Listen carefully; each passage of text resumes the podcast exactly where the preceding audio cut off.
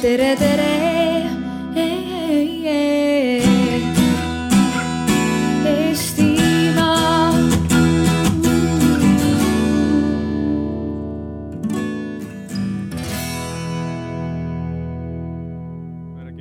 Kojajuhina äh, on mul äh, hea meel äh, juhatada koos partneritega sisse see vapustav ala ja, ja see on juba teist korda, kui me Arvamusfestivalil oma energiapöörde alaga väljas oleme.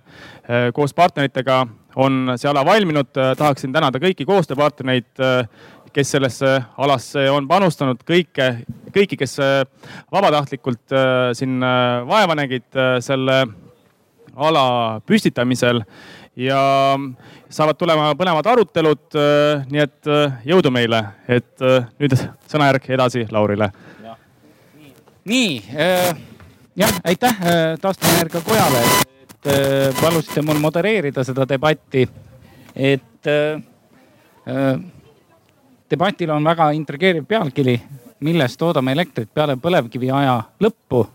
aga lihtne oleks, küsiks Kadri Simsonilt selle ära ja siis võiks jäätist sööma minna, täpse kuupäeva, millal lõpeb põlevkivi aeg, aga, aga kui te juba siia tulite ja, ja teised ka kõik panelistid, et võib-olla siis arutame natuke selle üle, aga, aga väga hea meel ongi tervitada siia paneeli siis majandus- ja taristuministrit Kadri Simsoni, siis äh, tulevast ministrit Rene Tammistit loodetavasti ja, ja mõne aasta pärast siis ministrid Martin Kruus, Nelja Energia juht, peatne noor pensionär. arvestades neid uudiseid, et Nelja Energia müüdi ära ja, ja Maria Helbling siis Alexela Energiast. Et ma mäletan, kaks aastat tagasi oli, oli Arvamusfestivalil üpriski sarnane debatt, mida ma samuti modereerisin aga kui ma hakkasin mõtlema, et kas vahepeal on midagi juhtunud ja muutunud, siis tuli meelde, et ühte-teist nagu on ikka juhtunud küll, et, et vahepeal on Eesti saanud uue energiamajanduse arengukava aastani kaks tuhat kolmkümmend. vahepeal on Euroopa Liidus ka e-, Eesti eesistumiste raames kokku lepitud väga palju olulisi energeetika kliimaküsimuste äh, puudutavaid äh, dokumente ja, ja, ja tegelikult tõesti mitmeid olulisi samme on astutud, et et äh, tundub, tundub, et äh, tasub arutada ja, ja, ja küsimusi on palju.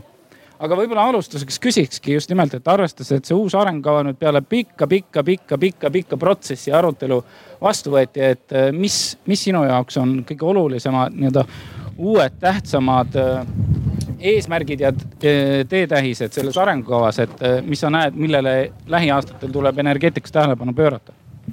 aitäh ja tere päevast kõigile. et äh, ma kohe vastan ka Lauri küsimusele, aga nagu mul halb komme on, et äh, ennem kui vastata küsimusele, tahaks teha ka veel kiire repliigi, et tõepoolest eelmine aasta, kui Eesti oli Euroopa Liidus eesistuja rollis, siis äh, energeetika valdkond, see, mida meie spetsialistid Brüsselis saavutasid, sai äh, äh sellise Brüsseli kõige kõvema äh, arva, arvaja ehk poliitiku arvates kõige kõrgema hinde üldse ja, ja seetõttu ma arvan, et Eesti energeetikaspetsialistid ka meie ministeeriumis on äh, ülimalt professionaalsed ja kõrgelt hinnatud ka Euroopas. aga mis puutub äh, energiamajanduse arengukavasse, mis ka eelmine aasta sai äh, vastu võetud, see on aastani kaks tuhat kolmkümmend, siis kõige tähtsam endiselt on see, et ka aastal kaks tuhat kolmkümmend me peame olema energiasõltumatud. ehk et meie lähikonnas pole just väga palju riike, kes kes oleksid suutelised äh, energiat eksportima ja seega on ähm, taganud omaenda sõltumatuse. ja, ja see peab meil nii jääma, samas nagu meil on kombeks Euroopas, oleme me püüdlikumad kui, kui nii mõnigi teine Euroopa Liidu liikmesriik, et kui seatakse uued ja kõrgemad eesmärgid näiteks taastuvenergia osas, siis me täidame seda alati pühamalt kui paavst ise. Oleme täitnud aastaks kaks tuhat kakskümmend täidame kindlasti oma mm, eesmärgid ka aastaks kaks tuhat kolmkümmend, aga tahaksime saavutada siis sellise Euroopa-ülese kokkuleppe, et, et äh, vastastikku saab neid taastuvenergia äh, nii-öelda kvoote ka jagada, nii nagu me eelmisel aastal Luksemburgiga ühe esimesena tegime. nii et äh, pikk dokument ühe lausega kokku võttes, see sõltumatus on väga tähtis ja liikumine loomulikult äh, põlevkivist siis äh, päris tempokalt äh, taastuvate suunas. aga kui vaadata äh, seda energiamajanduse arengukava, siis, siis see seab noh, võrreldes tänasega üpris ambitsioonikalt ju eesmärgiks jõuda viiekümne protsendini taastuvenergia osakaalu poolest, et täna me oleme seal kakskümmend kuus, seitse, kaheksa sealkandis. kakskümmend kaheksa, okei kakskümmend kaheksa viimast, et, et noh, see on üpriski suur samm, üpriski suur hüpe, see kindlasti tähendab muutusi elektri, soojamajanduses, transpordikütustes. et äh, kuidas sulle tundub, et, et kas, kas Eesti on selleks hüppeks valmis? sa küll ütlesid, et kindlasti teeme ära, aga, aga noh, et, et mis on need peamised sammud siis, mis, mis peaks lähiaastatel ette võtma selleks? no soojamajanduses oleme me päris äh, heas seisus. ainuke, kus me, kus me oleme raskustes, on transpordis et äh, transpordis äh, ka täna kümne protsendi täitmine on, äh, on väljakutse mitte teostamatu, aga siiski, et eks, eks selle nimel on tehtud nüüd biogaasi suhtes uusi samme ja, ja toetatakse tanklaid, kes kasutaksid siis biometaani ähm,. transpordi suhtes vaatame elektri, elektritranspordile niimoodi lootusrikkalt ähm, otsa ja, ja mis puutub siis äh, energia ootustesse, siis äh, see kõik, ähm, see kõik sõltub ju tegelikult valmisolekust, ka ühiskonna valmisolekust ähm, minna taastuvatele allikatele üle. et ähm, me kõik oleme tähele pannud, et viimasel ajal, kui midagi ehitama hakatakse, siis keegi on ikka vastu. Ja kui me räägime taastuvatest energiaallikatest, siis eks nad ole ähm, rohkem biomassi energia tootmisse, aga see tähendab äh, metsakaitsjatele suhteliselt sellist äh, äh alarmeerivat äh, sõnumit ja rohkem tuulikuid. et viimaste uudiste valguses äh, tuulikuid ei pruugi saada sinna, kus nad kaitse otstarbeliselt äh, ei peaks olema ja tuulikuid ei pruugi ka sinna saada, kus kogukonnale neid äh, väga näha ei meeldi nii et, äh, et need vaidlused, need eesmärgid peavad olema tasakaalus siis äh, kohalike, kohalike ootuse ja, ja võiduga.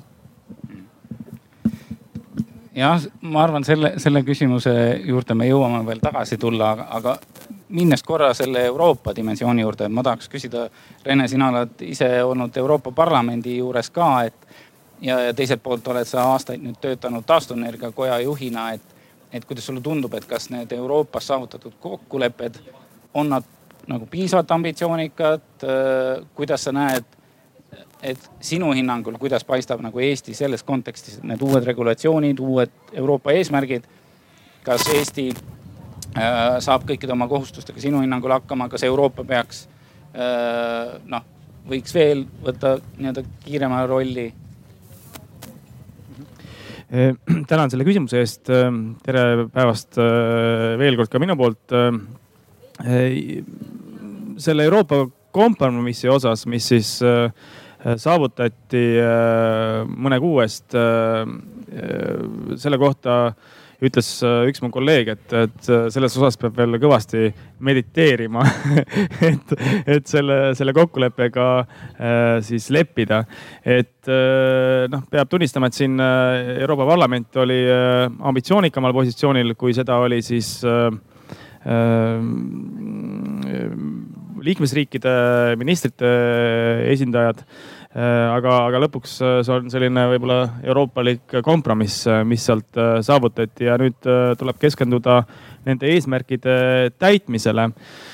Samaaegselt muidugi Euroopa Komisjon kavandab uut kava, kuidas siis aastaks kaks tuhat viiskümmend Euroopa Liidus heitmeid vähendada ja, ja selle osaks on ka siis tegelikult äh, kõikide tegevuste äh, ülevaatamine. noh, eesmärk äh, võrreldes varasemaga saab olema ambitsioonikam, kui, kui hetkel kehtib siis eesmärk kaheksakümmend kuni üheksakümmend viis protsenti CO2 heitmeid aastaks kaks tuhat viiskümmend vähendada, siis, siis tulevikus on see siis noh null, mida, mis soovitakse saavutada.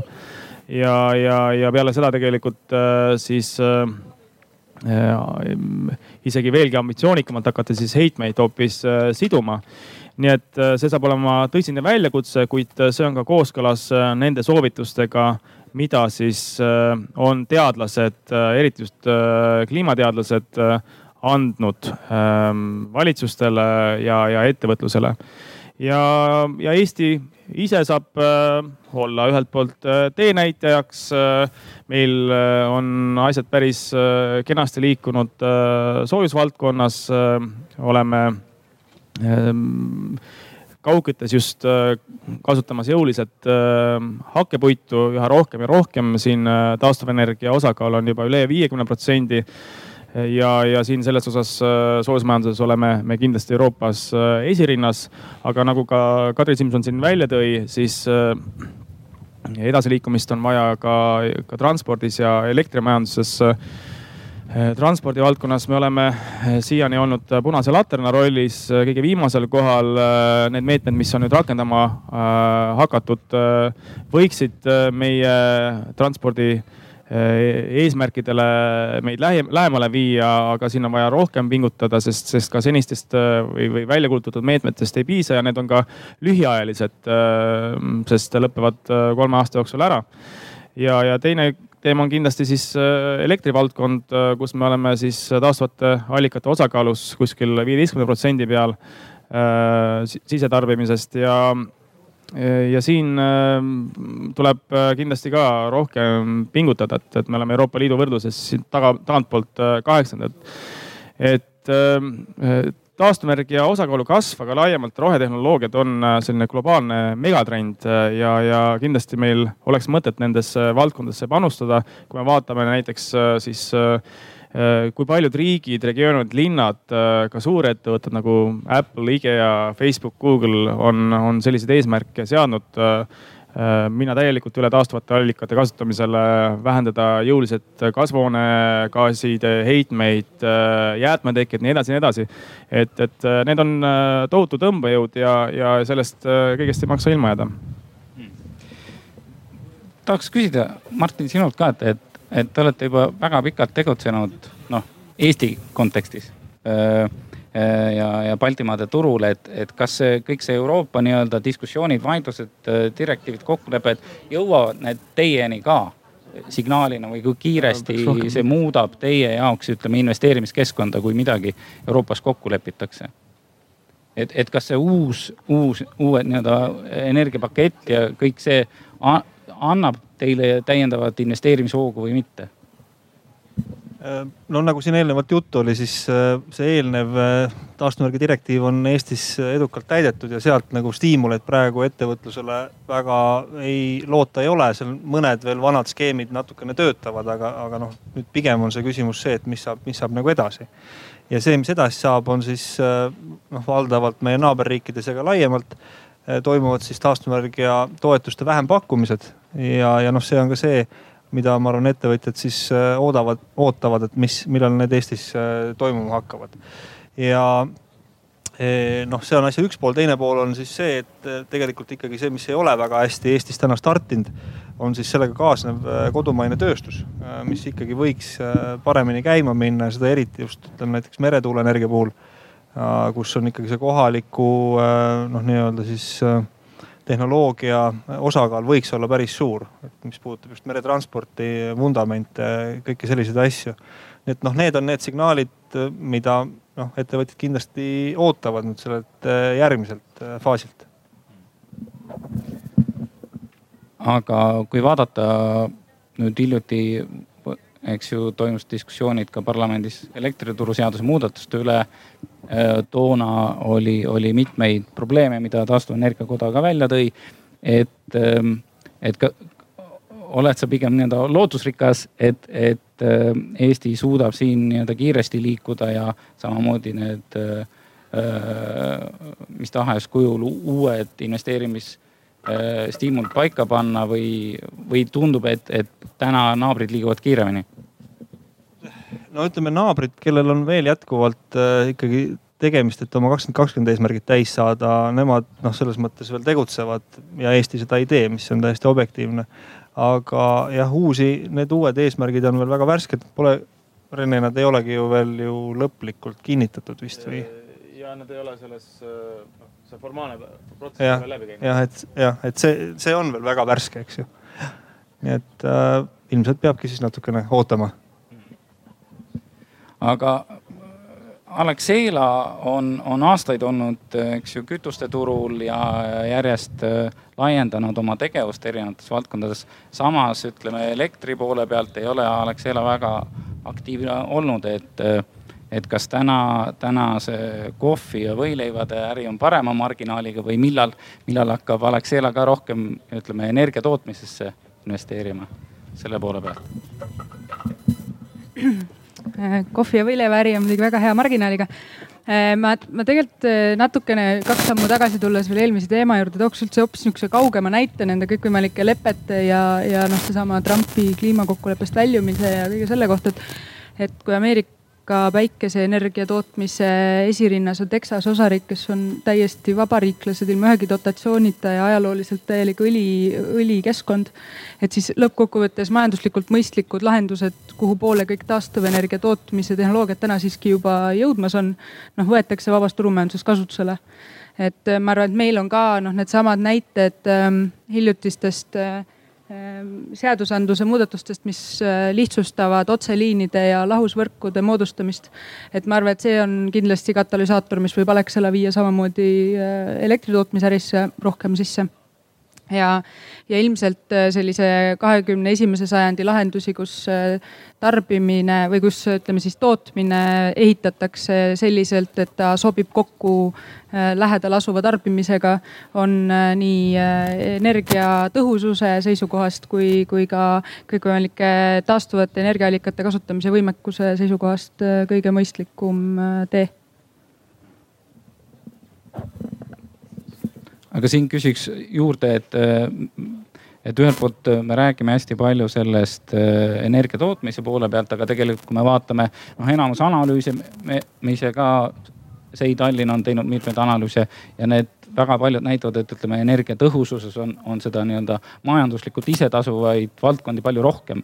et, et samas, samas mulle tundub, et enamus meie debatte on alati kas dotatsioonikesksed või regulatsioonikesksed ja tootmise poole kesksed, et, et miks täna samamoodi Nelja Energia ajalooliselt ei ole võib-olla panustanud just sinna, ma ei tea, energiasäästutehnoloogiatesse, vaid, vaid tootmise poolega tegelenud. on, on see lihtsalt, ma ei tea, nii-öelda economies of scale küsimus või, või midagi muud?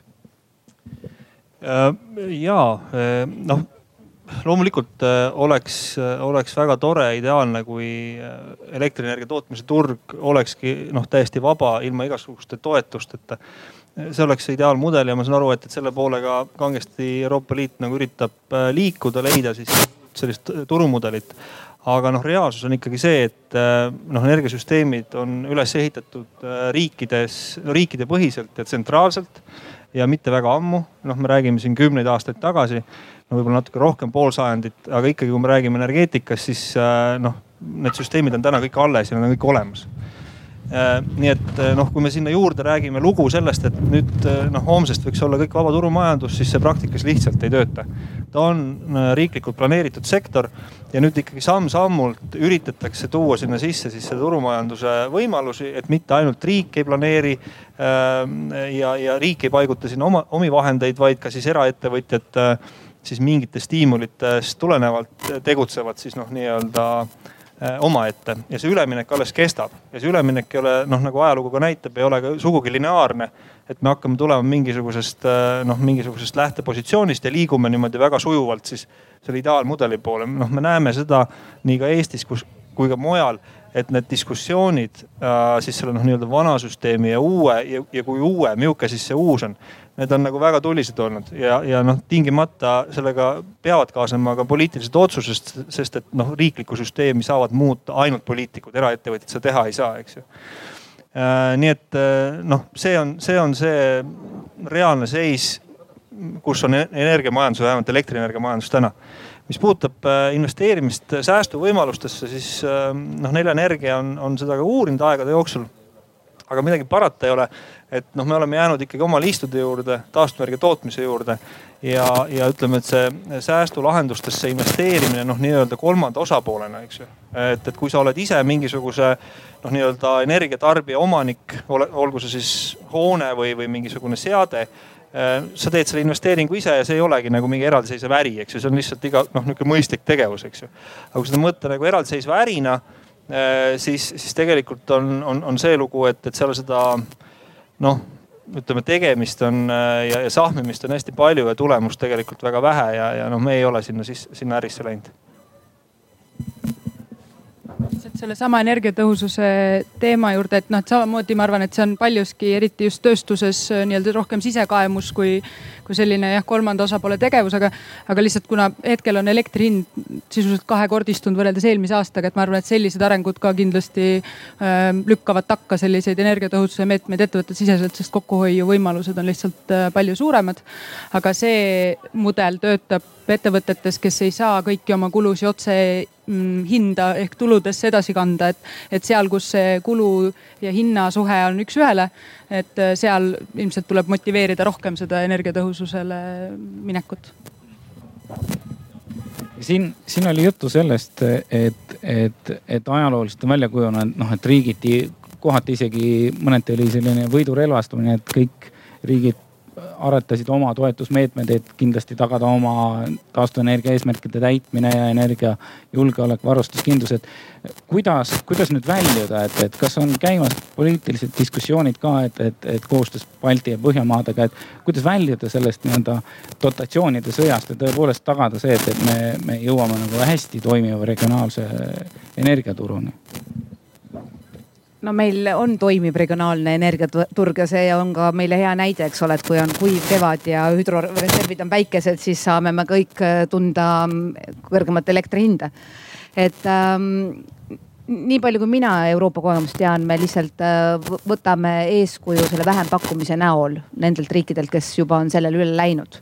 sellist suuremat sorti võidurelvastumist tegelikult ei toimu, et ähm, aasta kaks tuhat kakskümmend eesmärkide suhtes on meie Euroopa kolleegid neid eesmärke võtnud äh, pigem rahulikult mitte midagi ei juhtu, kui nad neid ei täida, nad ei ole isegi sunnitud, need, kes on ka poliitiliselt väga ambitsioonikad ja nõuavad siduvaid eesmärke kahe tuhande kolmekümnendaks. ei lase ennast häirida sellest, et nende riigid kaks tuhat kakskümmend seda veel täitnud ei ole ja, ja, ja võib-olla siis ongi nagu siis, et seame suuri eesmärke, aga, aga see, mis juhtub juba homme, noh nii on, on nagu on mis puutub veel sellesse energiasäästu, siis ka selle energiamajanduse arengukava puhul, isegi kui me kõik saame aru, et energiat tasub säästa, siis me ei julge öelda, et me aastal kaks tuhat kolmkümmend kasutame energiat vähem kui täna. et vastupidi, ikkagi majanduskasvu tingimustes me, me jääme teda rohkem tarbima ja, ja seejuures me ei saa ka panna siia, sellesse arengukavasse ei ole pandud veel nagu selliseid äh, üksikprojekte, et äkki tuleb äh, keegi meile, kes on väga energiamahukas ja leiab korraga, et me oleme sama soodsad kui põhjanaabrid või lõunanaabrid on olnud. loomulikult me tahaksime ka selliseid tarbijaid saada, sest et majandusel oleks kasulikum see, et ületoodetud energia jääb siia ja loob veel lisandväärtust, mitte et me seda lihtsalt äh, välja ei ekspordi. et ähm, kui me, kui me täna ise kasutame kaheksa koma neli ähm, miljonit tera, jah teravatt-tundi, eks ole. ja toodame ligi üksteist, et äh, meil oleks kasvu küll siia veel äh, suuri tootjaid äh, juurde kutsuda. Rene, kuidas sa näed, et, et noh, jällegi olles taastuvenergia tootjate tihedas nii-öelda suhtluses, et, et kas, kas, kas on noh, mis oleks need võtmesammud, et teha just nagu Martin ütles, et, et ühelt poolt, et meil oleks atraktiivne investeerimiskeskkond äh, nii-öelda energia tootmiseks, aga, aga energiatehnoloogiate äh, arendamiseks, kasutuselevõtuks, et mis, mis siin on need äh, kitsaskohad, miks, miks ei ole Eestis sellist võimast ja uhket energiatööstust või rohetehnoloogiate eksporti?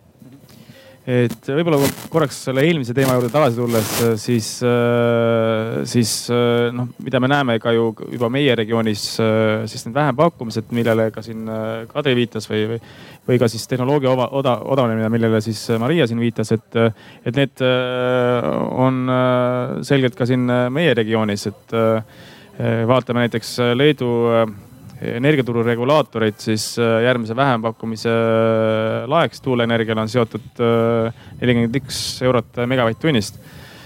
samuti teatati Soomes hiljaaegu sellest, et üks tuulepargi laiendus tehakse nüüd turutingimustel, et, et tehnoloogia hinnad alanevad, selle üle on põhjust meil väga rõõmu tunda ja küsimus muidugi on selles, et, et, äh, et selle volatiilse turuhinna tingimustes, et milline on see kindlus ettevõtjatel need investeeringud teha. et, et, et kui, kui, kui, kui need raskused ületada, siis, siis on võimalik, ma, ma usun, ka kiiresti siin, siin edasi liikuda. mis puudutab siis rohevaldkonna või taastuvenergia valdkonna tööstust ja, ja innovatsiooni, siis noh, me näeme, et Eh, siin ettevõtted pingutavad, ka, ka Nelja Energia üks, üks tütarettevõte näeb siin kurja vaeva, et, et tehnoloogia arenguga rinda või arendamisega rinda pista. aga, aga see on väga paljuski täna olnud ikkagi ettevõtjate mure. et ja siin on võib-olla olnud puudu partnerlusest erasektori ja riigi vahel ja, ja, ja võib-olla ka laiemalt on noh küsimus selles, et kuidas meil äh, teadus-arendus, innovatsioon on, on äh, korraldatud, et et siin äh, Martinil on, on ju ka avalikkuses päris mitmeid selliseid väljaütlemisi ja, ja mõtteid olnud, et, et aga, aga noh, siin kindlasti partnerluses riigi ja erasektori vahel õnnestuks midagi paremini ära teha ja ja, ja noh, ma usun ka, ka juba see, selle väljaütlemine, et, et äh, noh, meil on sellist innovatsiooni vaja, meil on sellist äh, edasiliikumist äh, nendes sektorites vaja, ka, ka see nagu pakub tuge või alustuseks on see juba hea, aga, aga siia peavad siis ka konkreetselt nagu teod taha tulema. aga kui sul oleks mingi tuttav, kes juhtumisi saaks, ma ei tea, ettevõtlus ja infotehnoloogia ministriks, mis sa talle soovitaks siis?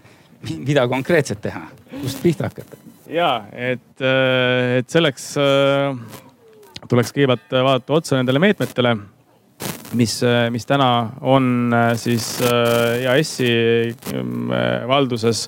aga noh, siin peab ka vaatama seda, et, et, et osa tegevusi on siin haridus- ja teadusministri valdkonnas et teema tõstatada tuleb lisandväärtusega, kõrge lisandväärtusega tootmise suunas kindlasti tuleb jõulisemalt edasi liikuda.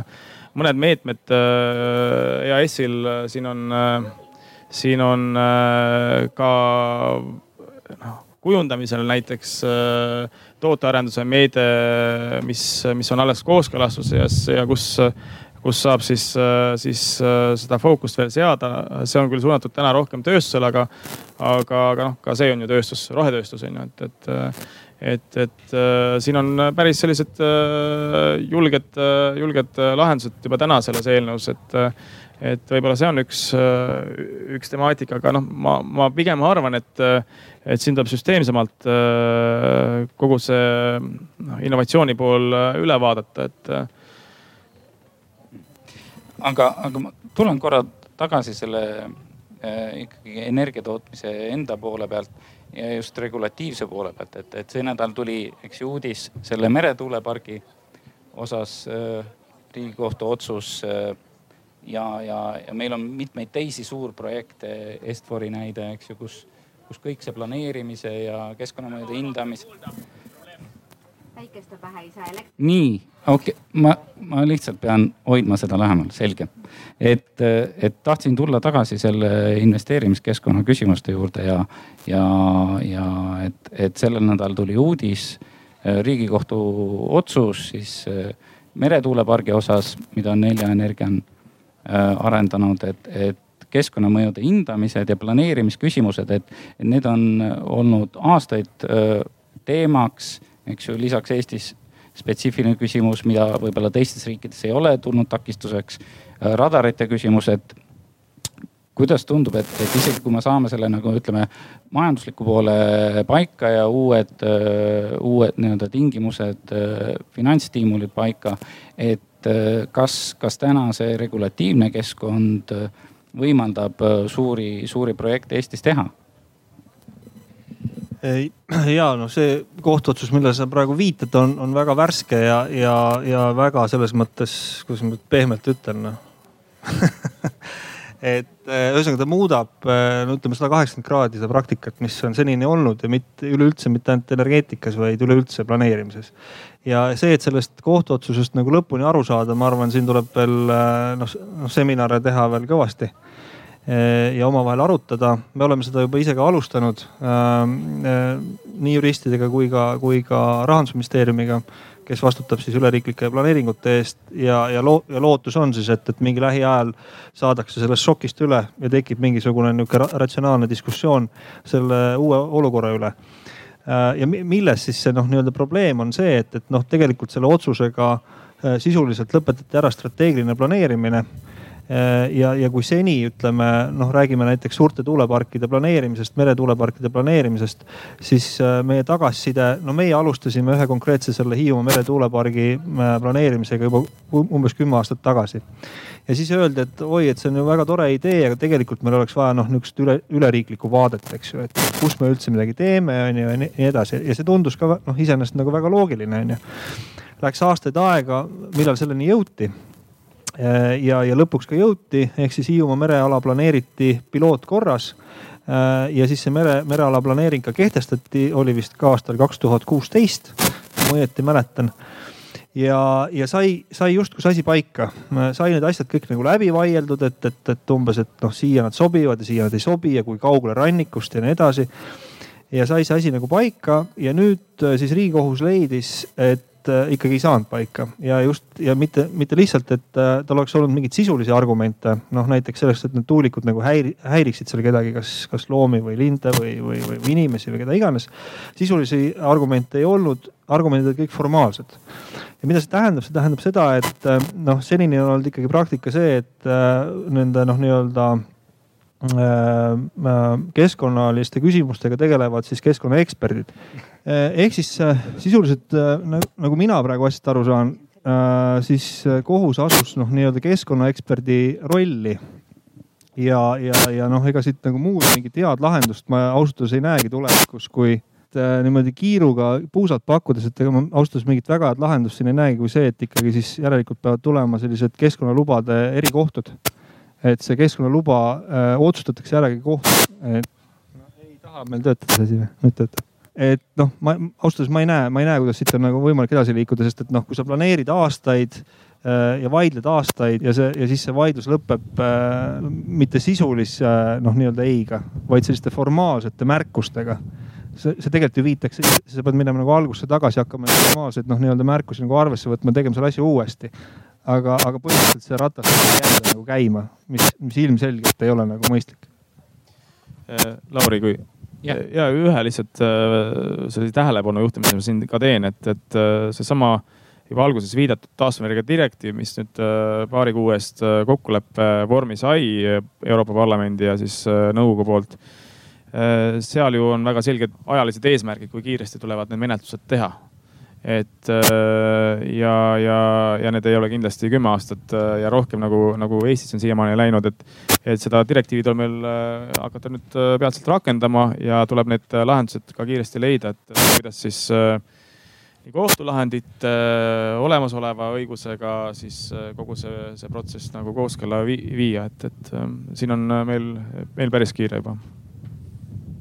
aga Kadri mis, mis majandusministeeriumi mõtlemine on, et kuidas saaks tagada selle, et, et ühelt poolt on keskkonnahuvid hästi kaitstud, teiselt poolt on nii-öelda mõistlik keskkond samuti tagatud, et, et mida siis ette võtta, kuidas see punnseis lahendada? no tõsi on see, et äh, kohtud on meil sõltumatud ja kohtud võtavad täpselt nii kaua aega, kui nemad võtavad, et kohtuveskid äh, jahvatavad aeglaselt äh, ja, ja mitte ükski direktiiv ei saa meid panna kohustama kohtuid. noh, et, et seetõttu, et direktiiv ütleb nii, me ei võta asja menetlusse, mida me pidasime vääriliseks äh, võtta. nii et see on see kaasus, mis äh, ähm, no mis õpetab meid kõiki. ja, ja kui nüüd tuua nagu need suured planeeringud ähm, nagu ähm, üldiselt üksikule või siis vastupidi üksikult üldisele, siis me viimasel ajal näeme seda, et ähm, on väga suur vastuseis igale suurele objektile, et et ma ei tea, mis, millist suurt objekti viimati püsti seistes ja aplausiga vastu võeti, võib-olla ilmselt Tallinn-Tartu maanteed neljarealisena, et siis ütlesid küll kõik, et võtke selle maaomanikult see, see maa jõuga ära, et me tahame neljal real sõita. Aga, aga teiste asjade puhul, näiteks tehaste puhul on öeldud, et äh, mitte, mitte siia, saatke Ida-Virumaale. ja see võtab kohe maha ka nagu seda argumenti, eks ole, taastuvenergia kasuks, et nagu ma mainisin, see on biomass, see on tuulikud. et kui keegi ikka oma maakonda tuulikut ei taha ja ütleb, et äh, minge Ida-Virumaale, seal tuulikut teha ei saa riigikaitselistel alustel, siis, ähm, siis korraga nagu üldarvamuse põhjal see põlevkivist või siis parimal juhul põlevkiviõli äh, kaastoodangust, uttegaasist tulev elekter ei olegi meie arvates sugugi noh, meie üldise arvamuse põhjal sugu, sugugi nii halb. äh, kuni ta suudab äh, vaatamata, vaatama, vaatamata CO2 kõrgele hinnale konkureerida siis börsil, kuni seda on mõttekas toota nii et ähm, Lauri küsis mu käest kiiret, kiiret lahendust, et kuidas meretuulepargid mõne aastaga püsti panna, et ilmselt sellist kiiret lahendust ei ole, kõik sammud tuleb ikkagi korrektselt teha. ja kui riigikohus ütleb, et, et see samm jäi viis aastat tagasi tegemata, siis tuleb see selgeks vaielda kohtus ja sellest tulenevalt siis käituda. aga millest siis on võimalik Eestis, et, et kui tuulikuid ei saa, biomassi ka ei tohi, Eesti metsad peavad alles jääma, et no eks neid uusi võimalusi aina otsitakse, et meil on sellel aastal loodud geoloogiateenistus, kelle juurde saab just hollandlased, kellel on äh, kogemus siis äh, mõnest riigist, kuidas teha väga sügavaid, äh, sügavaid puurauke, et otsida siis otsida soojust sügavalt maapõuest. Ja sellist soojust, millest saaks toota ka elektrit, nii et inimesed on äh, on äh, leidlikud ja, ja innovatiivsed, nii et ähm, tegelikult me täna ei tea, millest aastal kaks tuhat viiskümmend äh, meie põhiline elekter tuleb. et äh, need arengud on olnud päris kiired, tehnoloogia odavnemine, kõigepealt väljamõtlemine, odavnemine toimub aina, aina ja pidevalt ja, ja energeetika ei saa valmis. Rene, sul oli? Ja et äh, need ressursid ju meil Eestis äh, taastuvenergiale üleminekuks nii elektri kui soojusmajanduses on ju täiesti olemas, need on äh, tuul ja, ja puiduhake, mõlemat ressurssi on, on selleks ka piisavalt ja taastuvenergia koda on ka vastava plaani esitanud, kuidas siis neid, neid neid samme peaks astuma, et mis need konkreetsed etapid peaksid olema, et, et noh, ega siin ongi vaja siis samm-sammult liikuda, et kui me räägime siis tuuleenergia arendamisest, siis üks, üks temaatika siin ju lisaks siis keskkonnanõuetele on ka ju siis kaitseotstarbelised piirangud ja, ja noh, siin on võimalik ka näiteks lisaradarite paigaldamisega Äh, neid, äh, neid äh, olukordi muuta, et siin on vaja noh partnerlust riigiga selleks, et neid lahendusi leida ja, ja noh, teiselt poolt ka ju on võimalik siis ka keskkonnanõuete osas leida, leida lahendusi, et, et siin ju noh rakendatakse paljudes Euroopa riikides neid võimalusi, et, et, et mis on siis sellised kompensatsiooni või leevendusmeetmed olukorras, kui näiteks püstitatakse tuulepark keskkonna seisukohalt mõnele tundlikule äh, alale, et, et, et need teemad on ju äh, võimalik riigiga partnerluses äh, lauale võtta. biomassi osas ka, ka siin tegelikult see taastuvenergia koja analüüs näitab, et seda, seda ressurssi on võimalik veel täiendavalt kasutusele võtta, pidades silmas just jäätmeid puidusektorist, raidmeid, et et seda ressurssi veel, veel on võimalik äh, ka kasutusele võtta. nii et äh, planeeringute teema kindlasti on probleem, et siin tuleb leida, leida siis äh, lahendused, kuidas edasi liikuda ja noh, nagu Martin ka korrektselt välja tõi, et, et need küsimused ei puuduta ainult ju tuuleenergiasektorit see biomassi kasutus, selles osas minu, minu jaoks alati olnud küsimus, mida ma olen sult küsinud ka eraviisiliselt, aga ma küsin siin ka, et ministeeriumi ja taastuvenergia koja vahel on olnud erimeelsused selles osas, et biomassi kasutus äh, Narva kateldes. ühelt poolt, eks ju, on, on palju räägitud sellest, et see oleks kuluefektiivne viis ja kuidas saaks väga kiirelt vähendada Eestis tekkivat jäätmeid, heitmeid, eks ju, ja, ja, ja suurendada taastuvenergia osakaalu, mis justkui peaks olema ka taastuvenergia koja eesmärgiks. teisalt olete olnud järjepidevalt vastu, et, et mis, mis on see nagu põhiline siin olnud siis? no, koda on propageerinud sellist äh, tõhusat energiakasutust äh, ja, ja, ja seda, et, et oleks pikaajaline siis see ressursi tarbija ja seda tehakse siis koha peal läbi siis selle, et, et rajatakse puiduhakkel toimivad katlamajad või siis koostootmisjaamad, mis soojust ja elektrienergiat ühtses protsessis toodavad. nii et, et noh me oleme markeerinud seda tõhususe poolt, seda, seda nagu äh, kohaliku tööhõive, kohaliku energiakasutuse äh, poolt ja, ja, ja kui noh vaadata seda, eks, et millised väljakutsed siin metsandussektoris ees seisavad, siis äh, kindlasti see, see, see, see ressursi tõhus kasutamine on mõistlik. Teisalt täna me ju ekspordime väga suures mahus Äh, biomassi, mis läheb teiste riikide taastuvenergia eesmärkide täitmisesse ja, ja, ja kohapeal me seda ei kasuta võimsustes, mis juba on olemas ja kus annaks lihtsalt muuta. et ma ei tea äh, Kadri, mis sinu seisukoht? selle kohta ütleks ka seda, et me, me saame ikkagi teha oma sisemised otsused äh, ise, et, et, et kuidas ja mil määral me seda ressurssi kasutame ma saan ainult kinnitada seda, mida Lauri ütleb, et tõepoolest me eksperdime biomassi, et ähm, majandus- ja infrastruktuuriministrina, taristuministrina olen ma käinud ka kõigis Eesti sadamates ja ei ole sadamat, kes, kes ümarpalki või siis graanuleid välja ei viiks ühte või teist ja parimal juhul viivad nad ümarpalki välja lausa konteinerites, mis on ähm, läbib siis järelikult pikki vahemaid ja on päris väärtuslik. Küsimus on selles, et äh, seni kuni, kuni Taani maksab meie graanuli eest paremat hinda, on see eraettevõtjale õigustatud tegevus. ja meie saaksime siin äh, selle graanuli kodumaale jätta, kui meie hind tuleb järgi. ega muul viisil graanulitootjalt teda ju siia ei jää, et võib-olla siis ka võit transpordi pealt ja põhimõtteliselt äh, biomass on täiesti aktsepteeritud viis ta taastuva energia tootmiseks. Äh, nagu mainitud, ähm, sellised edumeelsed põhjamaised riigid seda kasutavad. Äh, seni, kuni ta ei, ähm, kuni ta on see jääk, mis jääb väärtpuidust järgi ja, ja ei ja ei äh, lähe energia tootmiseks puit, mida võiks väärindada hoopis millekski väärtuslikumaks. meil on see võimalus olemas kõik sõltub, eks ole, energia hinnast ka, aga eelkõige ma arvan, et me peaksime praegu keskenduma ka sellele, et põlevkivist äh, saaks võtta välja selle väärtuslikuma ehk põlevkiviõli ja, ja mm, energia tootmiseks tuleks siis äh, äh, põlevkiviõlist järele jääv vähem väärtusetu gaasprodukt. aga põlevkivisektorist veel rääkides, et, et, et tegemist on ju teadupoolest väga suure keskkonnajalajäljega energiatootmisviisiga ja kui me vaatame Eestis äh, tekkivat jäätmete hulka, siis suurem osa nendest jäätmetest on põlevkivisektoriga seotud jäätmed, sealhulgas ka ohtlikud jäätmed, et, et äh, Maria, kas sa näed, et, et nende jäätmetega oleks võimalik midagi peale hakata või mis, mis peaks muutuma, et nendest jäätmetest noh, sarnaselt nagu me näeme, ütleme kuskil reoveemajanduses, toiduainete sektoris järjest on jäätmest tekkinud ressurss. et kas on lootust äh, ja millises osas üldse, et, et põlevkivijäätmetest tekib ka mingi väärtuslik ressurss, et ta ei oleks nii suureks koormaks kaelas meil?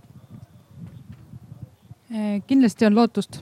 Äh, ühesõnaga, ma arvan, et põlevkivitööstus täpselt samamoodi nagu enamus muid tööstuseid siiski areneb nii-öelda kõrgema lisandväärtusega tööstuse suunas ja, ja kindlasti õli tootmine ja, ja uttegaasist elektri tootmine ei ole viimane samm selles äh, ahelas ja selles arengutsüklis.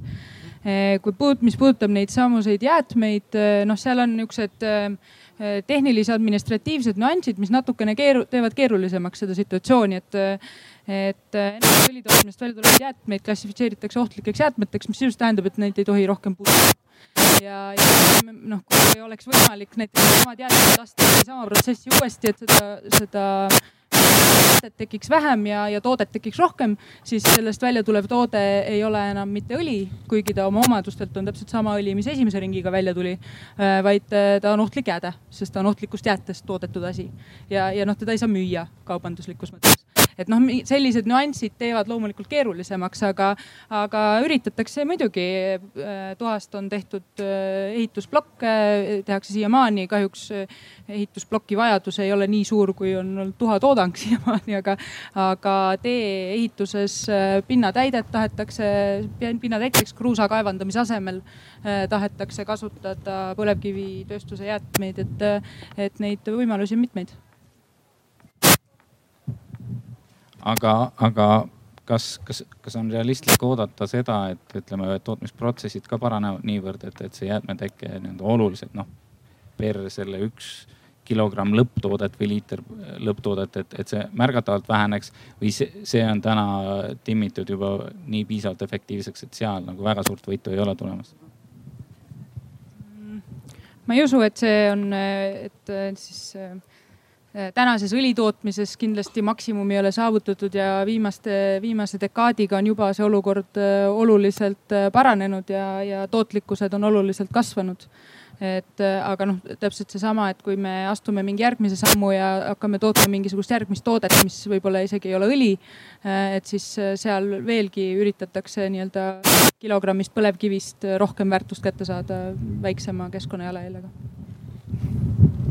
Siin, siin me ei ole väga palju veel rääkinud sellest just nimelt põlevkivist väljumisest, eks ju, aga aga mäletan, et kümme aastat tagasi need debatid muutusid väga kiirelt väga emotsionaalseks ja hüsteeriliseks ja, ja noh, ei olnudki võimalik väga diskuteerida, et, et täna, täna tundub, et räägitakse juba päris rahulikult sellest ja, ja isegi arengukava, mis on valitsuses vastu võetud, ju tegelikult selgelt näitab, et elektrimajanduses põlevkivi osakaal hakkab vähenema. kõik erinevad nii-öelda analüüsid, stsenaariumid, ütlevad, et ka õli tootmise nii-öelda konkurentsivõime kaks tuhat viiskümmend perspektiivis hakkab vähenema. et, et äh, aga, aga kuidas siis, kuidas siis tagada see, et see, see väljumine oleks sujuv? et, et täna mulle tundub, et äh, vähemalt avalikus diskussioonis on see, et noh, tegime Ida-Virumaal ühe tööstuspargi ja siis meil on mingi strateegiapaber et aga, aga et kas, kas, kas on äh, olemas selge plaan valitsusel, et kuidas, kuidas tagada, et tõesti see, see uued töökohad tekiks, ümberõppevõimalused, et, et mida seal lähiaastatel peaks tegema? pean tunnistama lünka hariduses, et kümme aastat tagasi ma nendel kirglikutel Põxiti debattidel ei osalenud, seetõttu ma ei tea, mille üle kirglikuks mindi, et kui tõepoolest mindi üle kirglikuks selle peale, et homme lõpetame põlevkivi kaevandamise ja Ida-Virumaal jäävad ähm, noh, see on hinnanguliselt, eks ole, erinevad protsendid, ei mitte miljonid, aga no ikkagi eh, koos kaasnevate töökohtadega ikkagi viiendik inimesi töötajaid, siis on selge, mille üle kirglikuks minna. et selliseid olukordi ei või lasta tekkida. me teame, et, et Ida-Virumaa suurim julgeolekugarantii on see, et seal inimesed saavad hästi endaga toime ja ja näevad, et nende elustandard on paranenud ajas. Nüüd äh, ma arvan, et kirg on maha läinud selle võrra, et me teame, et äh, homme päev ei juhtu mitte midagi, see on ikkagi selline järjepidev äh, töö ja, ja, ja ka põlevkivi kaevandamine ei lõppe, põlevkivi lihtsalt kasutatakse millekski muuks, mis ei tekita sellist äh, kahe jalajälge Äh, teine asi, mille üle võib-olla mindi kirglikuks, on see, et ilma põlevkivielektrita oleksime me energiasõltuvad. et kus see, kus see energia siis tuleb, kui me korraga peame sellises mahus äh, äh, elektrit importima. Selle aja peale on meie ühendused väga palju paremaks muutunud nende ühenduste nimel käib ka järjepidev töö ja ega see, mm, need ühendused eelkõige siis Soomega, aga edaspidi tulevikus teesünk läbi läbi lõunanaabrite Kesk-Euroopaga annavad meile kindlustunnet ka sellises suuremas ruumis. ja siis selle energiasõltuvuse suhtes kolmas küsimus on see, et kui me tahame seda energiat siiski ise toota, mitte, mitte olla impordijad, see ongi küsimus, et millest me seda toodame, seesama tuul, äh, hüdro meil ei ole, biomass, päike muutub odavamaks ja soodsamaks. väikelahendustena võib näha, et on aasta-aastalt populaarsemaks muutunud. nii et ähm, alternatiivne energia on oluline. nüüd ähm, sa mainisid, et Ida-Virumaal pakume inimestele äh, ameteid, mis on midagi muud kui äh,, kui kaevur et äh, eks, äh, eks meid äh, kõiki, ela sa kus iganes, et see amet, millega sa alustasid töömehe iga, pruugi jääda kestma järgmiseks neljakümneks või neljakümne viieks aastaks, kuni sa välja teenitud pensionile lähed. et see valmisolek muuta oma, oma töökohta peab kõigil olemas olema.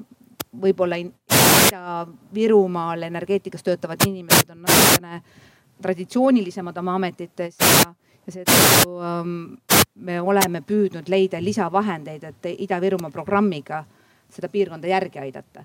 et tööstuspargid üksinda ei ole lahendus, et seal on ähm, suured linnalised ähm, asumid, kus on spetsiifilised äh, probleemid, et äh, selle jaoks riik peab äh, tähelepanu piirkonnale pöörama. jälle see on puhta, puhtalt ka meie jätkusuutliku ja, ja sellise normaalse sidususe küsimus. Läksin imelike sõnade peale, aga ma arvan, et aga ma arvan, et see kirglikkus on Sa... maha läinud just sellepärast, et on öeldud, et see ei juhtu üleöö. selle, selle kohta ütles ilusti kunagine majandusministeeriumi kantsler Marika Priske linnukeel, aga me kõik mõistsime seda E, et äh, aga Maria, kas Alexela ka äh, kuidagi ekstra töötab selle nimel, et, et toetada oma töötajate, keda te saadate uutele väljakutsetele, et, et nende see nii-öelda väljumine oleks, oleks võimalikult sujuv ja probleemideta, et? Mm, ühelt poolt nii-öelda nähes hiljuti ja mõningal määral kestvalt seda, kui kurja vaeva põlevkivitööstused täna näevad Äh, selleks, et hoida elus töökohti, mm, mis võib-olla alati ei ole majanduslikult kõige mõistlikum otsus. Äh, eriti siin veel mõned võib-olla aasta tagasi. Äh, siis ma arvan, et me, me tunnetame seda vastutuse koormat küll nagu väga täpselt. et, et terved kogukonnad sõltuvad sellest, et neil oleks sissetulek.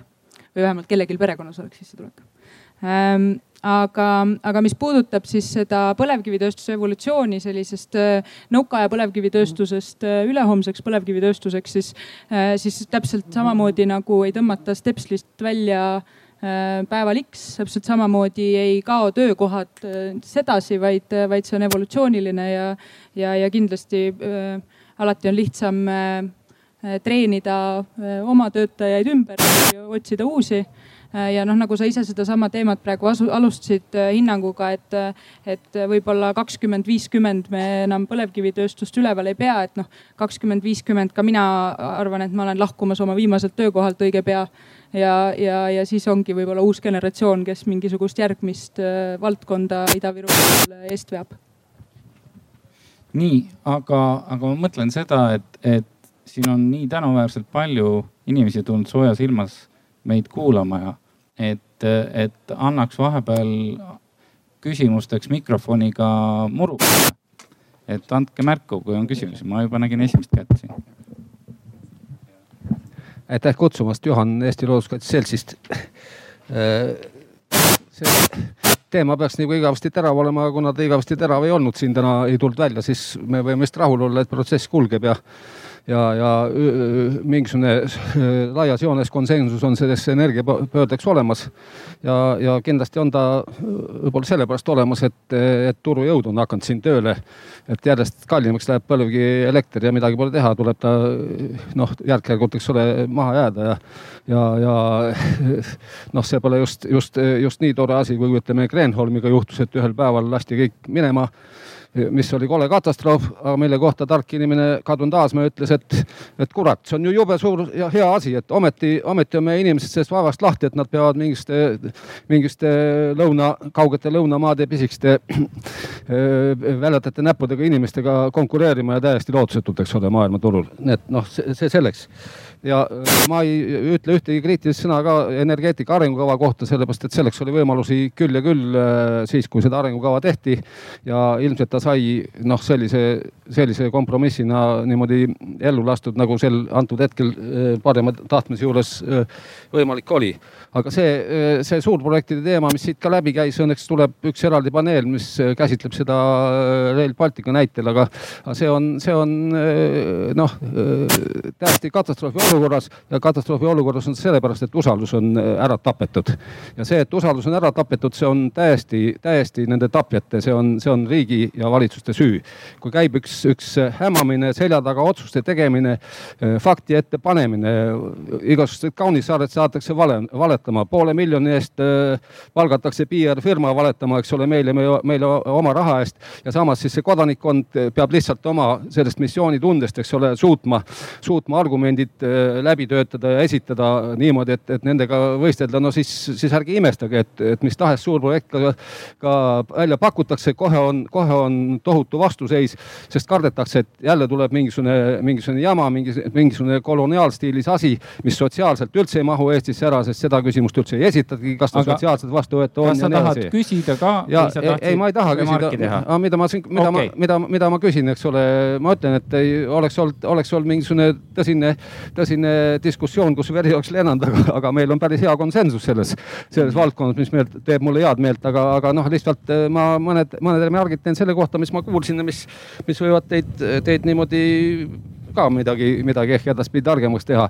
ja, ja muidugi veel, eks ole, mis põlevkivisse puutub, seda jätkub sada, sajaks aastaks, aga, aga kuna tänapäeval kõik tehnoloogilised protsessid käivad läbi IT, siis näiteks, näiteks väga kriitilisi materjale, mida on IT valdkonnas vaja, mis on näiteks haruldased muldmetallid, näiteks indium jätkub ainult viiekümneks aastaks ja ilma selleta ei ole ühtegi lameekraani, ühtegi puutetundlikku ekraani eh, ja, ja, ja mitte kellelgi ei ole veel ühtegi ideed, kuidas aga, neid materjale asendada, et, et, et siin tulevad teised piirangud. teistele kanda ja. võimalust, siis ma siinkohal kasutan. aga ikkagi, ikkagi, ikkagi ma ja ikkagi ma veel, veel kord tänan, et kutsusite ja, ja mul ja, on siin päris hea olla. ja, ja proovime siis ikka verisemaks ajada, et, et miks te selle usalduse siis ära lõhkusite, Kadri? ütle ma ei ole nõus verisemaks ajama, Reneel on veel täna mitu ülesastumist ja värske kolleeg äh, vajab äh, tervet silmnägu. erasektor seda enam, et äh, ma arvan, et mõistlik ongi ka sellistes keerulistes küsimustes püüda konsensusele ja, ja kõige pentsikum selle konsensuse puhul on see, et lõpuks pole mitte keegi rahul, aga see pidi olema ka hea kompromissi väljendus. et ega selle energiamajanduse arengukavaga nagu härra just mainis, et kommentaare ja eriarvamusi võis esitada ja esitati ka. aga, aga lõpuks tundub, et kirik on keset küla ja, ja niimoodi edasi minnes tegelikult eh, võib-olla kirge on vähe. aga, aga selline usk, et selles sammus, mis kokku lepitakse, ka edasi liigutakse, on selle võrra suurem. Eh, mis puutub sellesse planeerimisseadusesse, siis siis ma arvan, me oleme jõudnud vähemalt sinnamaani, et iga planeeringuga peetakse väga palju kohapealseid kohtumisi. et ähm, Rail Balticu puhul on neid pidanud äh, üle saja koha peal ja, mm, ja need kohtumised ongi need, kus, äh, kus tegelikult üks-ühele saab küsimusi küsida. et ähm, jah, ega ma siin rohkem ei oskagi selles, seda teemat ka kirglikumaks ajada. no jõudu, jaksu siis usalduse taastamisel. nii, ma nägin kuskil siin jah, keskel pool. just tere, tere, olen Lauri Anton, energeetikahuviline. Äh, me oleme rääkinud siin energia tootmisest ja energia säästmisest. minu meelest energia tootmine on tänapäeval suhteliselt lahendatud, et tuulikuid me oskame ehitada, päikeseparke oskame ehitada, see on nagu korras. säästmine on selline väga keeruline, seal saab väga palju ära teha, aga see on nagu hästi mitmetahuline. aga ma ei ole kuulnud midagi energia salvestamisest, elektri salvestamisest konkreetselt, et meil on energiasalve projekt, aga mis ei ole vist liikunud ei kuhugi. ma ei ole kuulnud midagi akudest, mingitest, et, et siin on nagu kaks küsimust, et kas on, kuidas ettevõtjad näevad, et kas nad, kas te olete hinnanud, et kas energia salvestamine on juba tulus või on see tehnoloogiad pole veel valmis? ja, ja võib-olla teine on siis värsketele ja, ja, ja vanematele valitsuse liikmetele, et kas siin ei peaks olema mingisugust nagu survet ettevõtjatele, et nad peaksid tegelema ka energia salvestamise poolega? ma kõigepealt annan siia. no selles mõttes, et energiasüsteem on õnneks jätkuvalt meil tasakaalus, et see näitab seda, et meil salvestusvõimalusi on, on piisavalt. aga kui tulevikku vaadata ja, ja, ja mõelda nende eesmärkide suunas, et äh, elektrisüsteem tuleb tegelikult äh, sajaprotsendiliselt dekarboniseerida ja kui me seda asendame siis äh, tuuleelektriga, päikseelektriga, siis ilmselgelt on vaja salvestusvõimsusi juurde investeerida. nüüd, et see, kuidas ettevõtjad sellega tegelema peaksid, see täna on veel nagu lahti.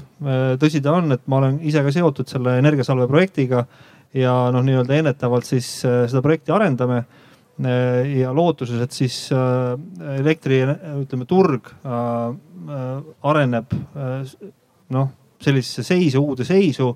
Äh, et siis energiasalvestitel on seal turul äh, nagu oma koht ja roll ühtegi teist mudelit ei ole mina praegu küll kuskilt kuulnud kui seda, et, et ikkagi üritatakse siis leida. aga mida see noh nüüd tarbijaks tähendab, tähendab seda, et, et ütleme elektri hinna kõikuvus äh,, amplituud läheb järjest suuremaks tulevikus ja, ja sealt tegelikult see salvestamise stiimul peaks nagu ettevõtjatele tulema nii et äh, noh, sellel asjal on nagu kaks, kaks külge ja, ja tegelikult ka tarbijad ise peavad hakkama siis rohkem mõtlema selle peale, et võib-olla mingil hetkel ei ole mõistlik tarbida ja see tähendab siis salvestamist tarbija enda juures, see tähendab siis akusi, akulahendusi, mis, mis ka nagu tegelikult äh, hind praegu langeb, nii et äh, vaikselt süsteem areneb. Õnneks Eesti on väga soodsas positsioonis. me oleme osa Põhjamaade turust kuigi siin on, seal on jätkuvalt teatavad bürokraatlikke niisuguseid regulatiivseid barjääre hetkel veel. Äh, aga, aga tehniliselt see väga hea salvestusvõimalus ehk siis Põhjamaade hüdroenergia on meil ikkagi meie süsteemiga juba täna tehniliselt liidetud, nii et äh, noh, eks ta areneb jälle samm-sammult nii-öelda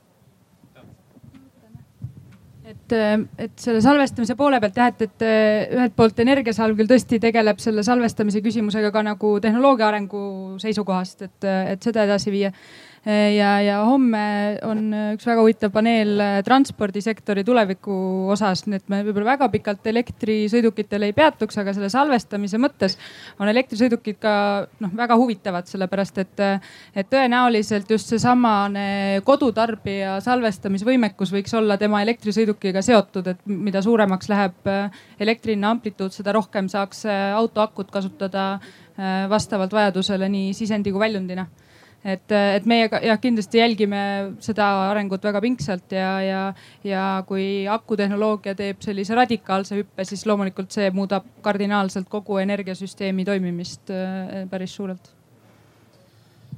Jah, võib-olla ka täiendavaks siin, siin selle akude poole pealt, et, et siin äh, tehnoloogia hinnad teevad ja kiiret, äh, kiiret liikumist, oodatust palju, palju kiiremini ja, ja siin ähm, noh, selles osas äh, näiteks Coloradost äh, USA-s äh, tuli ühelt vähempakkumiselt just ju mõne kuu eest ka uudis, kus siis tuulepargid koos akudega osutusid soodsamaks kui olemasolevatest kivisöejaamadest toodetud elektrienergia hind. Et, et, et just see elektromobiilsuse arendamine, mis, mis tundub, on saamas ka selliseks väga tugevaks globaalseks trendiks Äh, see, see võimaldab ka siis äh, lahendada neid äh, salvestusprobleeme, vähemalt lühiajalise salvestuse osas.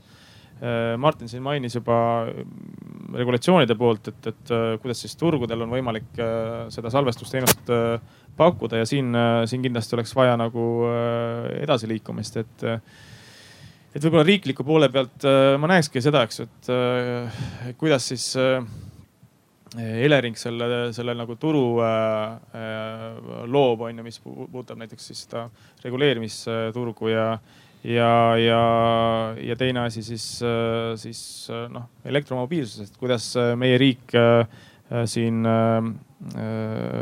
neid, neid arenguid vaatab, kas, kas meil on ka mingid omad meetmed ja ja, ja, ja, ja kuidas me siis noh, sellesse valdkonda, valdkonna panustame, et selge see, et, et äh, siin tuleb mingeid samme astuda, sest äh, ka ju oma praeguste tegevustega me äh, ikkagi jääme äh, transpordi eesmärkide äh, täitmisel hätta. nii, kas on veel küsimusi publikust? Jah, minu küsimus kuuleb, on kuulda jah? tähendab, minu küsimus puudutab nüüd ähm, põlevkivienergia Äh, põlevkivienergeetikat, millest praegu on olnud ka juttu. aga juttu ei ole olnud sellest, et kõik see akumajandus, see on ainult väga lühiajaline. meie probleem ei ole mitte mõne päeva küsimus, meie probleem on kolme kuu küsimus. Ja selleks, et kolm kuud, kus kohas meil ei ole päikest, tuult väga vähe ja energiat vajame kõige rohkem, on ainult kaks võimalust. üks on toota põlevkivist seda energiat ja see on kõige suurem energiavajadus meil Eestis, periood. või teine võimalus on äh, ajada paigast ära meie välismajanduse bilanss äh, äh, või väliskaubanduse bilanss ja osta see energia sisse. küsimus kui me räägime põlevkivienergeetika lõpetamisest, siis peaks ka mingi ratsionaalse lahenduse pakkuma Äh, selle energia tootmise osas, mis tagab meie äh, elektrienergiasüsteemi stabiilsuse. no see peaks olema kõigile teada, et, et tuule ja, ja päikeseenergia, see, neid ei ole võimalik juhtmetesse salvestada, akudesse ei ole ka võimalik äh, talvekuude energiavajadust salvestada. samuti pean seda täiesti ebamõistlikuks lükata see küsimus pärast eh, kaks tuhat viiekümnendat, kus eh, juba teised inimesed arutavad siin seda asja. aga ärme lükkame. Rene, ütle, ütle, kas saab? ja et, et, ähm, et kindlasti äh, on ka ju täna tegelikult ju lahendused taastuvenergia sektoris, äh, mis ei piirdu ainult siis äh, nagu lahendused, mis ei piirdu siis põlevkiviga või siis äh, elektrienergia impordiga, et, et kui me vaatame uute meretuuleparkide kasutustegureid, äh, mida siin on äh, rajatud Euroopas, siis noh, need ju töötavad kaks kolmandikku aastast juba. ja, ja see turumudel noh, minu hinnangul hakkabki selliseks muutuma, et, et tekib selline baas, baastoodang, mida pakuvad siis taastuvad allikad, tuul ja päike sest äh, selle tootmine on äh, niivõrd äh, ratsionaalne ja, ja, ja, ja noh, odav.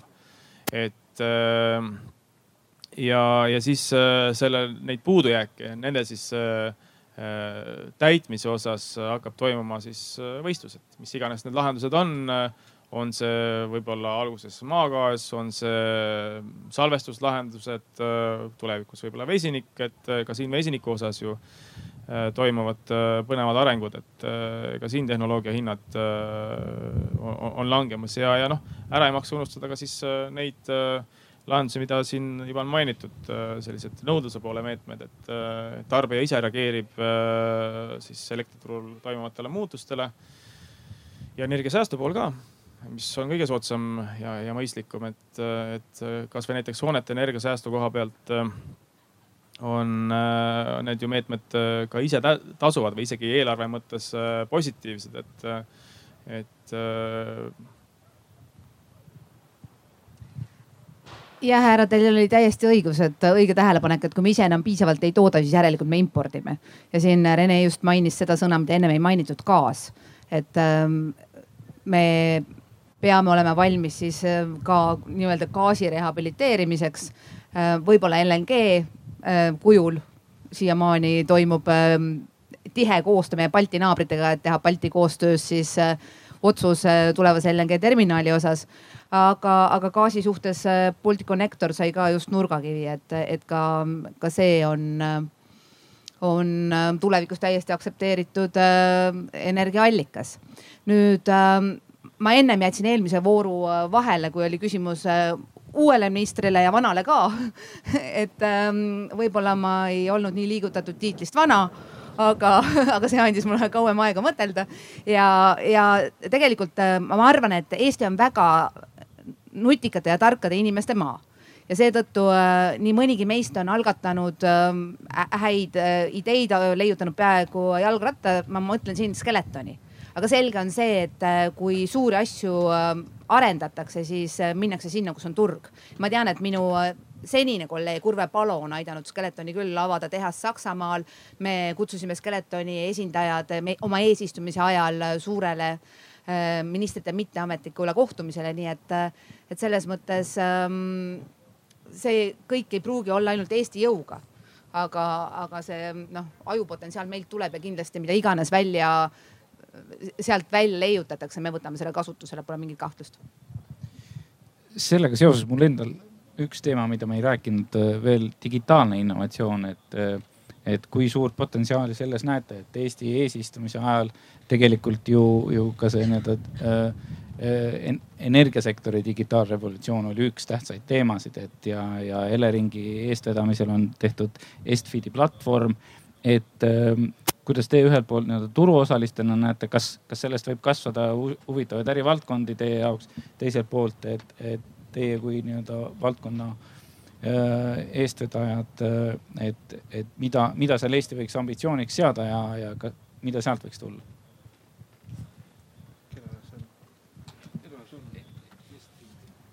Jah, et äh, tõesti Elering on äh, nii-öelda elektriturus eriti äh, seda digitaliseerimist võtnud väga kõvasti vedada ja, ja see kindlasti annab meile väga palju võimalusi nii oma turul kui tegelikult eksportturgudel.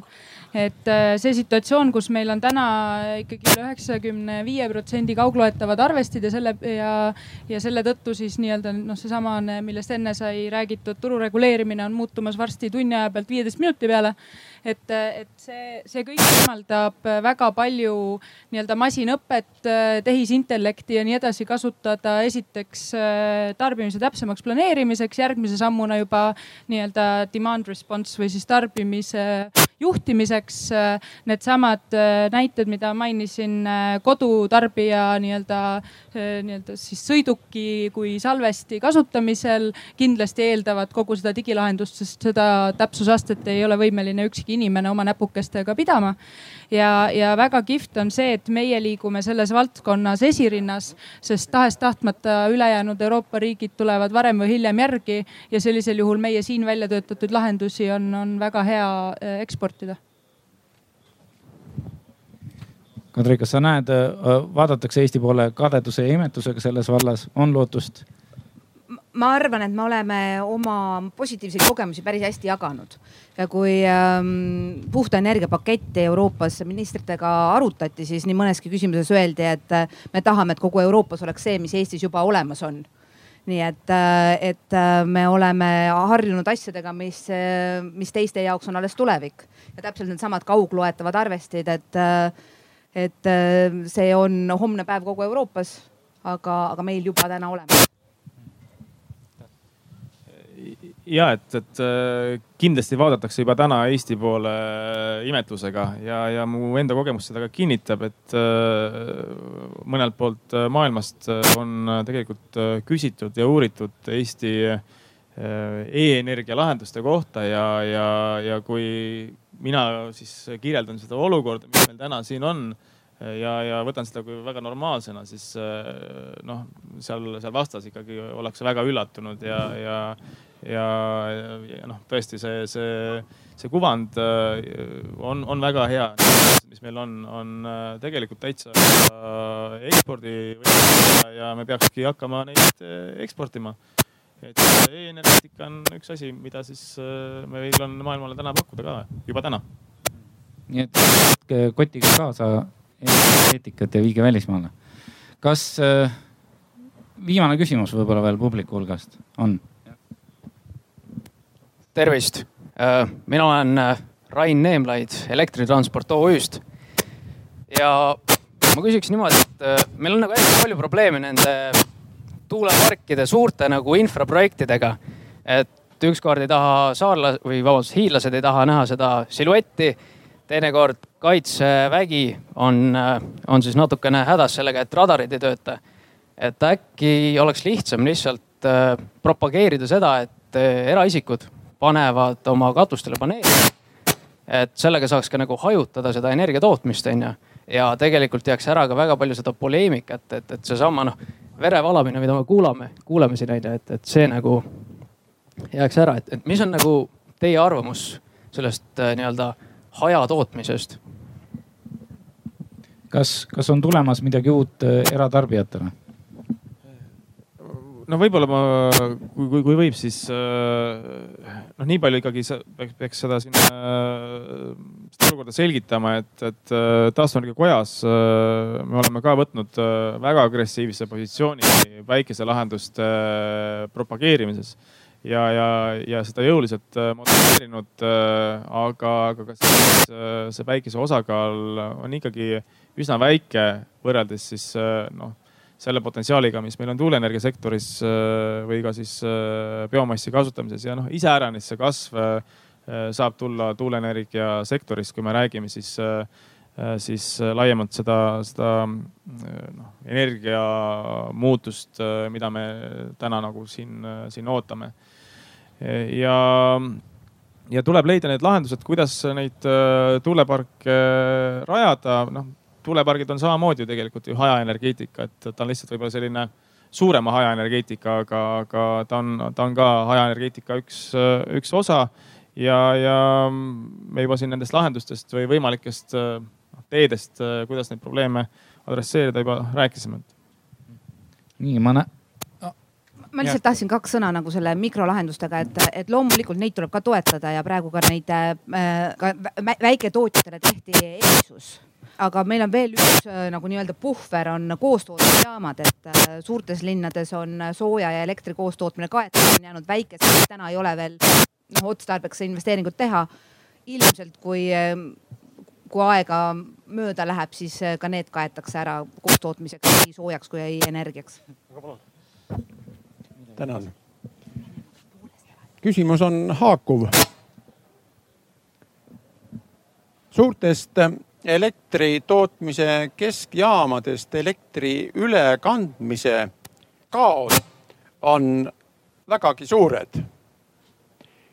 On vist kuni kolmandik või midagi nii, no suurusjärk et kas ähm, on mingeid ähm, optimiseerimise plaane elektrijaamade, elektri tootmise keskuste ütleme suuruse plaanis optimiseerimise kavasid või uuringuid? Kui minu luureandmed tõele vastavad, siis siin laval, kas järgmises või ülejärgmises paneelis peaks olema Eleringi juht Taavi Veskimägi. ja ma olen täiesti kindel, et ta on valmis äh, väga põhjalikult nendest plaanidest teile ülevaate andma, sest sellega just ta tegeleb.